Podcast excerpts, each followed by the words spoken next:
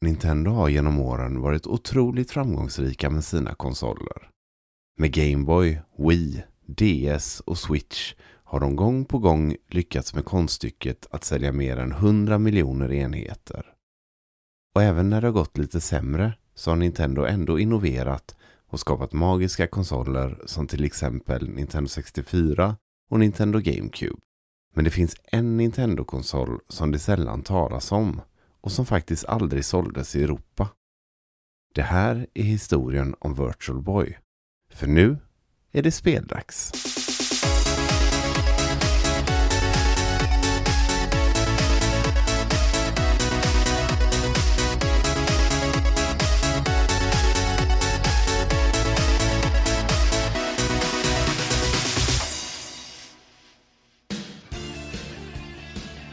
Året är 1991 och Nintendo är på toppen av sin karriär. Deras Nintendo Entertainment System har snart sålt 60 miljoner enheter. Den splitternya handhållna konsolen Game Boy gör dundersuccé världen över och snart är det dags för Super Famicom att släppas i väst som Super Nintendo. Varje steg Nintendo har tagit de senaste tio åren har varit ett stort steg framåt och det verkar som att allt Nintendo tar i blir till guld. Medan leksaksaffärer och teknikbutiker runt om i världen förbereder sig inför ytterligare en jul där Nintendo är högst på önskelistan så sitter ett litet team på Nintendos högkvarter i Kyoto, Japan och spanar på nästa stora succé. Men innan vi fortsätter så måste vi prata lite mer om en av Nintendos mest framstående personer, nämligen Gunpei Yokoi. För det går nämligen inte att prata om Virtual Boy utan att prata om just Gunpei. Så vi börjar med att spola tillbaka tiden cirka 25 år till, till 1965.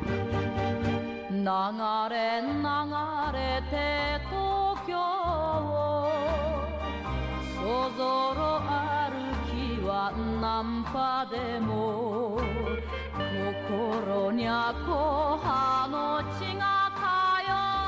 Samma år som Hiroko Takikoshi har sin hitsingel Tokyo Nagaromono då blir den 24-åriga Gunpei Yokoi anställd hos Nintendo i Kyoto, Japan.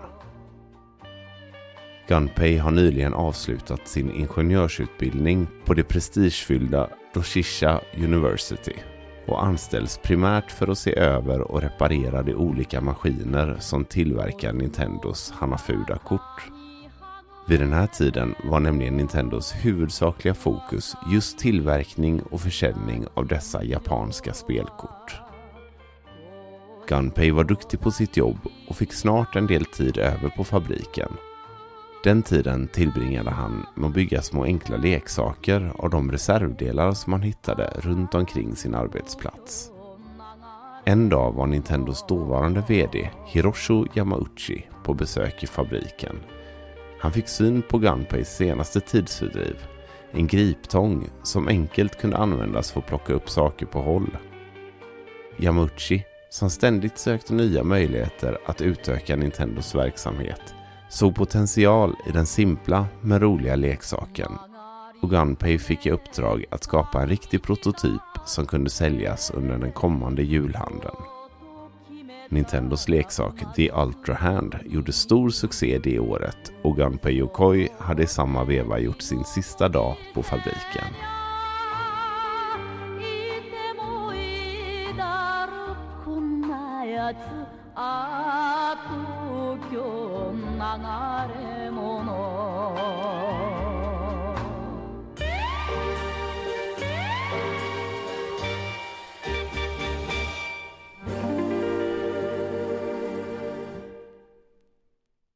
Under de kommande åren så blev Gunpei en uppskattad medarbetare som stod bakom flera av Nintendos succéleksaker. Tills han 1974 flyttades till Nintendos nystartade tv-spelsavdelning. En dag när Gunpei åkte tunnelbana såg han en medresenär som tryckte runt på sin miniräknare för att skapa olika mönster och kombinationer. Idén till Game Watch kläcktes och blev Gunpeis och Nintendos nästa stora succé. Game Watch kom att flytta Nintendos fokus ännu mer mot tv-spel och mellan åren 1980 och 1991 kom det totalt 60 olika Game Watch-modeller som tillsammans sålde över 43 miljoner exemplar. Under de kommande åren på Nintendos tv-spelsavdelning var Gunpei involverad i många stora projekt.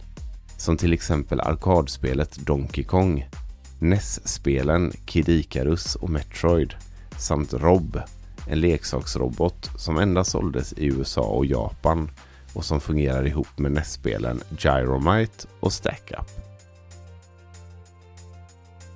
Gunpei är dessutom den som kom på styrkorset, eller D-pad-korset som det så ofta kallas.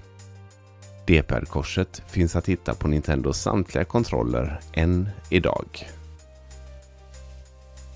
Mot slutet av 80-talet så ledde Gunpei ett team på Nintendo som kallades Research and Development nummer 1. Detta team var ansvariga för att ta fram Nintendos första handhållna konsol, Game Boy, som huvudsakligen var designad av Gunpei själv. Game Boy blev även den en omedelbar succé och kom att sälja över 118 miljoner konsoler under sin livstid. I början av 1990 så kände Gunpei att han hade gjort sitt på Nintendo och var sugen på att gå vidare på egen hand för att få möjligheter att skapa leksaker och teknik utanför Nintendos ramar. Gunpeis planer skulle dock få vänta då han samma år, 1991, kom i kontakt med det amerikanska företaget Reflection Technology. Företaget hade i flera år jobbat fram en teknik som gjorde det möjligt att simulera riktig 3D med hjälp av ett headset. Reflection Technology Inc, eller RTI, hade laborerat med många olika möjligheter för deras uppfinning men landat i att tekniken ändå gjorde sig bäst för just tv-spel. För att bäst kunna demonstrera detta så skapade RTI en enklare demo där man som spelare fick köra runt en tank. Grafiken i spelet visades i rött ljus mot en svart bakgrund. RTI tog sedan kontakt med flera andra företag inom branschen bland annat Nintendos största rival, Sega. Men samtliga valde att avböja. Sega berättar senare att de varit skeptiska till upplägget de kände att det fanns en stor risk att man som spelare skulle bli åksjuk om man spelade för länge. Men där konkurrenterna var tveksamma såg Gunpei Yokoi nytänk och innovation.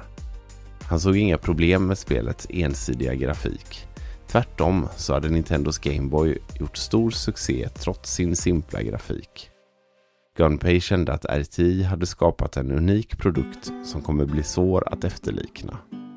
Detta låg även i linje med Nintendos ständiga strävan att söka nya sätt att vara kreativa och skapa unika spelupplevelser.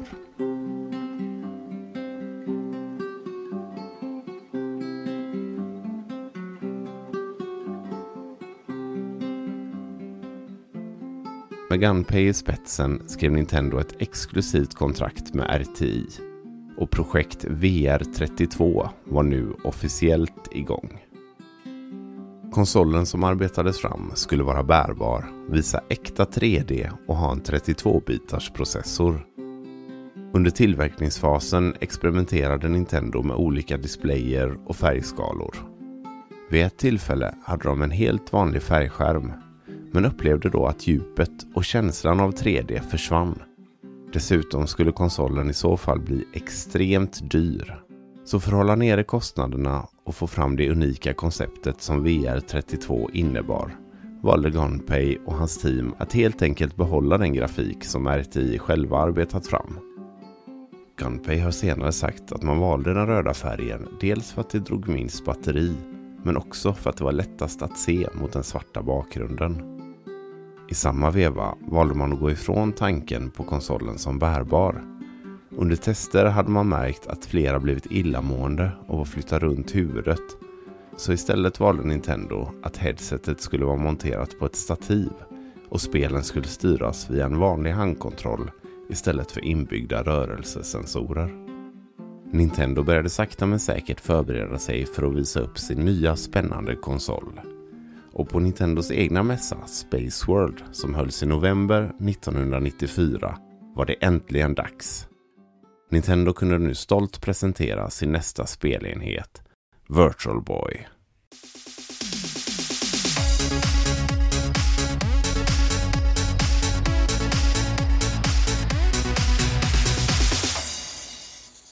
Virtual Boy möttes initialt av förhoppningsfulla besökare på Space World-mässan. På plats kunde man testa enheten och bland annat spela ett Star Fox-spel och ett bilspel. Men pressen var mer skeptiskt inställda till Nintendos nya konsol. Flera branschtidningar var till och med negativt inställda och tidningen Next Generation skrev i sin artikel vem kommer köpa Nintendos Virtual Boy? Den är inte bärbar, den är svår att använda, den är 100% antisocial till skillnad från multiplayer-spel på till exempel Super Nintendo och Mega Drive. Men viktigast av allt så är VR-tekniken inte mer än en gimmick. Nintendo å andra sidan hade gjort en helt annan analys och förväntade sig försäljningssiffror runt 3 miljoner sålda enheter och 14 miljoner sålda spel under Virtual Boys första försäljningsår. Virtual Boy visades återigen upp på den amerikanska E3-mässan i maj 1995 men möttes här av mer skepsis än entusiasm. Många kommenterade på bristen av grafik och konsolens otympliga utförande. Andra förstod inte funktionen överhuvudtaget. Och medan Sega-fans kunde provspela den kommande Sega Saturn och Sony visade upp sin första konsol, Playstation, så lämnade Nintendo ett avmätt och förvirrat intryck. Efter E3-mässan 1995 kände Nintendo att de halkat efter i konsolkriget. Och även om de faktiskt visat upp deras kommande hemmakonsol, Ultra 64, så hade allt för stor fokus legat på Virtual Boy. Nintendo som nu behövde spara in på resurserna valde att sätta ett releasedatum för Virtual Boy redan samma år. Detta trots att utvecklarna inte var helt klara än. Detta kom även att drabba de kommande spelen till Virtual Boy. För medan topputvecklarna på Nintendo, som till exempel den legendariska spelproducenten Shigeru Miyamoto, var upptagna med spel som Super Mario 64, fick Gunpei och hans team kämpa på själva.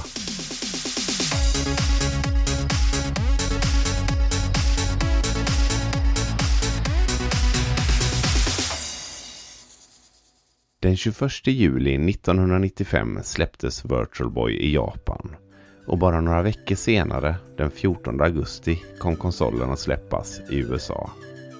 I paketet ingick den rödsvarta enheten som nästan ser ut som en enorm viewfinder för er som minns. Till enheten ingick ett stativ, en laddsladd och en handkontroll. Handkontrollen har två D-pad styrkors samt sex knappar Start, Select, A, B och L och R på baksidan av kontrollen. Konsolen hade även en linkport likt Nintendos Gameboy. Men någon linksladd kom aldrig att säljas. Och även om fans nu i efterhand skapat en linkkabel så fanns det inga officiella spel som kunde spelas ihop. Virtual Boy släpptes samtidigt som fyra stycken spel. Galactic Pinball, utvecklat av Intelligent System ett företag som länge samarbetat med Nintendo och som kanske främst är kända för Fire Emblem-serien. Red Alarm, ett 3D shoot em up-spel inspirerat av Star Fox från utvecklaren T&E Soft. Teleroboxer, ett fightingspel i första person och sist men inte minst Mario Tennis. Bägge utvecklade av Gunpei Yokoi och hans team. Nintendos Research and Development nummer 1. Virtual Boy såldes för 179 dollar och i USA ingick spelet Mario Tennis. Till en början var tanken att konsolen även skulle komma till Europa under 1996. Men eftersom försäljningen inte blev vad Nintendo hoppats på så avbröts de planerna. I samband med den amerikanska releasen satsade Nintendo of America stort och hade flera reklamkampanjer igång. En av dem kan vi lyssna på här.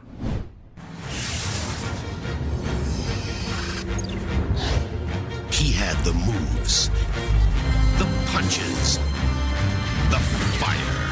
But there was one thing he would never have. Virtual Boy presents more challenges inside the third dimension. Mario Tennis, Tunnel Boxer, River Arm, Galactic Pinball. Virtual Boy, a 3D game for a 3D world. Wanna play? En annan kampanj var tillsammans med den dåvarande jätten Blockbuster. På Blockbuster kunde man hyra ett Virtual Boy i tre dagar för att sedan få möjlighet att köpa konsolen till ett något nedsatt pris. Den här kampanjen slog tyvärr bakut då många av dem som hyrde konsolen inte valde att köpa den efteråt. Med en halvhjärtad insats kämpade Nintendo på. Under hösten och vintern 1995 släpptes ytterligare åtta spel. Däribland Marios riktiga debut på konsolen, Mario Clash. Spelet är en 3D-version av arkadspelet Mario Bros. Och även om spelet mottogs väl så var det inte riktigt det Mario-äventyr som spelare hade förväntat sig. Ett annat spel som släpptes denna höst var Jack Bros från Atlus. Jack Bros är ett sidoäventyr i den berömda Shin Megami Tensei-serien och faktiskt det första spelet från serien att släppas utanför Japan. Jack Bros är ett Zelda-liknande äventyr där man våning för våning möter fiender och letar efter nycklar för att ta sig vidare. Spelet fick mycket bra kritik vid release och många tycker att det här är ett av, om inte det bästa spelet på Virtual Boy. Dessvärre blev spelet ingen kommersiell succé och idag är det otroligt svårt och framförallt dyrt att få tag på. Ett komplett amerikanskt exemplar kan med enkelhet säljas för mellan 15 till 20 000 kronor. Men Gunpei och hans team hade inte gett upp än. Innan året var slut släpptes Wario Land till Virtual Boy och blev utöver Mario Tennis det mest sålda spelet till Virtual Boy. Med Wario Land fick alla Virtual Boy-ägare det Mario-spel som aldrig släpptes. Ett 2D-plattformsäventyr med stor variation och roliga bossstrider. Wario Land släpptes i USA den 27 november respektive den 1 december i Japan och blev det sista spelet som Nintendo själva utvecklade till konsolen. He's the epitome of evil. And he's on the prowl in the third dimension. It's Wario. The diabolical one has gone 3D, where evil runs deep and danger comes out of nowhere in the most incredible adventure ever seen on Virtual Boy. It's Wario Land, a 3D game for a 3D world. Wait till they get a load of me!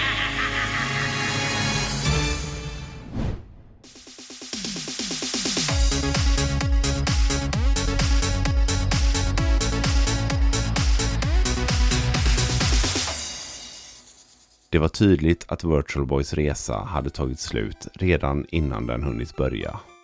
Avsaknaden på något storspel tillsammans med priset var nog avgörande faktorer för den bristande försäljningen. Och den största konkurrenten, det var Nintendo själva. Ett nytt Gameboy kostade ungefär hälften av ett Virtual Boy och hade vid det här laget flera hundra spel att välja mellan med kända spelserier som Mario, Zelda, Castlevania och Mega Man. Efter endast 140 000 sålda enheter under 1995 så valde Nintendo i Japan att dra in försäljningen av Virtual Boy redan i december samma år. I Japan släpptes totalt 19 spel varav 8 av dem var exklusiva för regionen. I USA gick försäljningen något bättre och Nintendo of America släppte ytterligare två spel under 1996. Nämligen Nesters Funky Bowling i februari och 3D Tetris i mars. Fler Virtual Boy-spel utannonserades på E3-mässan i maj 1996 men ingen av dem kom att släppas, vilket gör 3D Tetris till det sista officiella spelet i konsolen. I USA såldes runt 630 000 konsoler tillsammans med 14 spel varav tre endast släpptes i USA. Virtual Boy sålde cirka 770 000 konsoler totalt och fick endast 22 spel med både USA och Japan inräknat. vilket gör det till ett av de minsta spelbiblioteken till någon kommersiell konsol.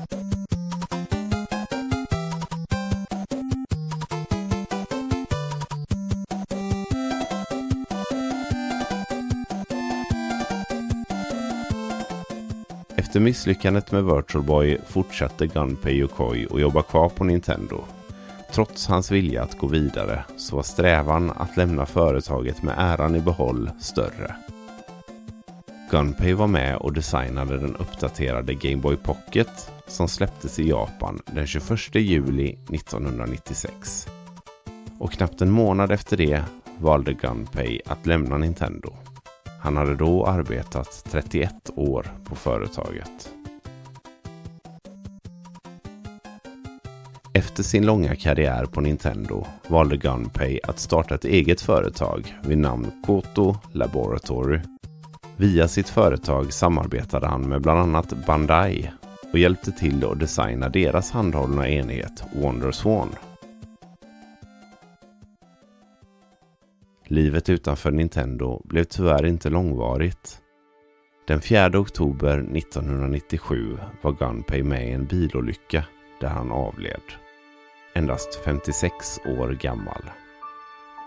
Många sörjde Gunpeis bortgång och Howard Lincoln, dåvarande styrelseordförande för Nintendo of America, sa i ett pressmeddelande Gunpei Yokoi var ett kreativt geni som var varm, vänlig och omtyckt av alla här på Nintendo. Gunpeis arv till spelvärlden genomsyrar Nintendo än idag. Och även om just Virtual Boy aldrig blev den succé som han hoppats på så har hans filosofi om att jobba med enkla medel för att skapa glädje påverkat Nintendo de senaste 40 åren. Virtual Boy är idag en nästintill bortglömd del av Nintendos historia. Nintendo själva har aldrig släppt spelen någon annanstans och talar sällan om konsolen. Personligen så tycker jag det är en spännande del av Nintendo som visar att företaget inte alltid når fram med sina idéer men alltid vågar försöka.